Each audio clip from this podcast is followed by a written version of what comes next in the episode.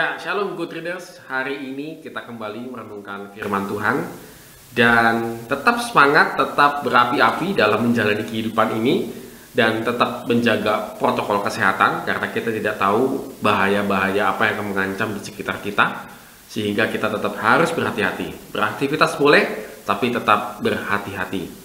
Renungan kita diambil dari 1 Raja-Raja 20 ayat 35 sampai dengan 43. Cukup singkat, jadi saya berharap good readers membaca semua bagian ini. Dan kalau kita lihat pada bagian yang sangat singkat ini, maka kita bisa melihat bagaimana Tuhan sebenarnya sangat murka terhadap Ahab. Karena dia mem membiarkan Raja bin Hadad itu lolos, bahkan menjadi sekutunya. Tuhan bahkan sampai mengirimkan seorang nabi, begitu ya, seorang nabi untuk menegur Raja Ahab melalui sebuah demonstrasi yang cukup unik. Jadi si nabinya itu bahkan minta sama temennya, eh pukul aku dong, pukul aku dong gitu ya. Tapi nggak ada temennya yang mau mukul, akhirnya ada yang mau mukul dia sampai cedera parah. Gilirannya maksudnya pukul sekali dua kali, ini berkali-kali gitu ya sampai cederanya parah. Dan nabi ini seperti menjadi kayak tawanan begitu ya, pura-pura menjadi seperti jadi tawanan. Dia masuk barisan dan menjadi tawanan sehingga menarik perhatian bagi Ahab gitu ya karena diceritakan bahwa ini seperti kayak tawanan yang yang yang lepas kira-kira demikian. Nah, karena mukanya ditutupin segala macam akhirnya Ahab uh, membuat uh, membuat mukanya itu kelihatan begitu dibukalah mukanya dan Ahab mengenali bahwa ini adalah salah satu rombongan nabi bukan seorang tawanan. Di sini pesan Tuhan sangat clear kepada Ahab di ayat yang ke-42. Beginilah firman Tuhan, firman Tuhan. Oleh karena engkau telah membiarkan lolos orang yang dikhususkan bagiku untuk ditumpas, maka nyawamu adalah ganti nyawanya dan rakyatmu ganti rakyatnya. Lalu Raja Israel pergi ke istananya dengan kesal hati dan gusar, maka sampailah ia di Samaria. Nah, ini adalah teguran Tuhan yang sangat luar biasa kepada Ahab bahwa engkau telah aku tolong, dengan segala kehebatan Tuhan, kira-kira demikian, tetapi engkau tidak taat untuk melakukan apa yang aku suruh. Jadi memang seperti seharusnya di mana-mana dalam dalam peperangan zaman itu, ya raja yang kalah dibunuh ya kira demikian ya, ditumpas sampai habis. Tidak boleh ada sisa, tidak boleh kayak seperti ya tadi tindakannya uh, kalau kita ambil contoh tindakannya Salomo.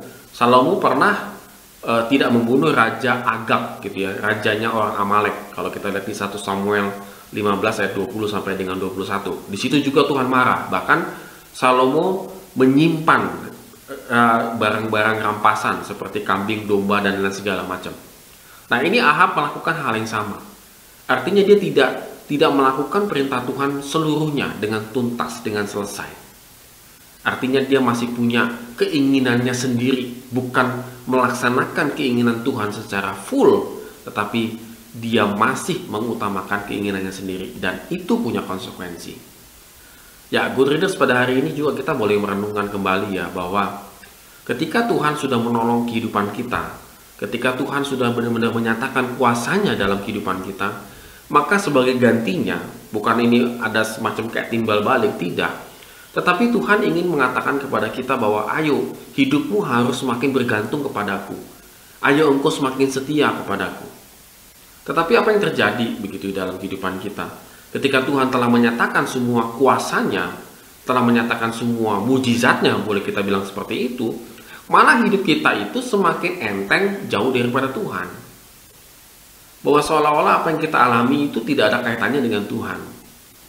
Oleh karena itu good readers pada hari ini kita pikirkan kembali begitu ya. Kenapa hidup kita ini menjadi kesal, gusar, tidak sejahtera dan lain sebagainya? Ya karena kita kembali lagi kita tidak setia full kepada Tuhan. Padahal Tuhan sudah memelihara kehidupan kita tuh luar biasa. Kita pikir saya masih bisa hidup sampai pada saat ini bukan karena pemeliharaan Tuhan kok. Karena saya bekerja, karena saya mencari uang, karena saya pintar, karena saya dan lain sebagainya dan sebagainya. Jadi Tuhannya itu kembali lagi tidak ada justru kita bisa hidup bernafas sampai detik ini itu adalah karena kasih setia Tuhan. Seharusnya kita semakin bergantung hidup kita kepada Tuhan. Oleh karena itu, good pada hari ini mari kita renungkan firman Tuhan. Apakah kita termasuk orang yang memang Tuhan sudah kasih kita 100%, tetapi kita malah kasih Tuhan hanya 50%. 50%-nya lagi adalah masih keinginan aku, bukan keinginan Tuhan. Jika ini masih ada dalam kehidupan kita, kita renungkan dan kita bertobat. Amin. Tuhan Yesus memberkati kita semua.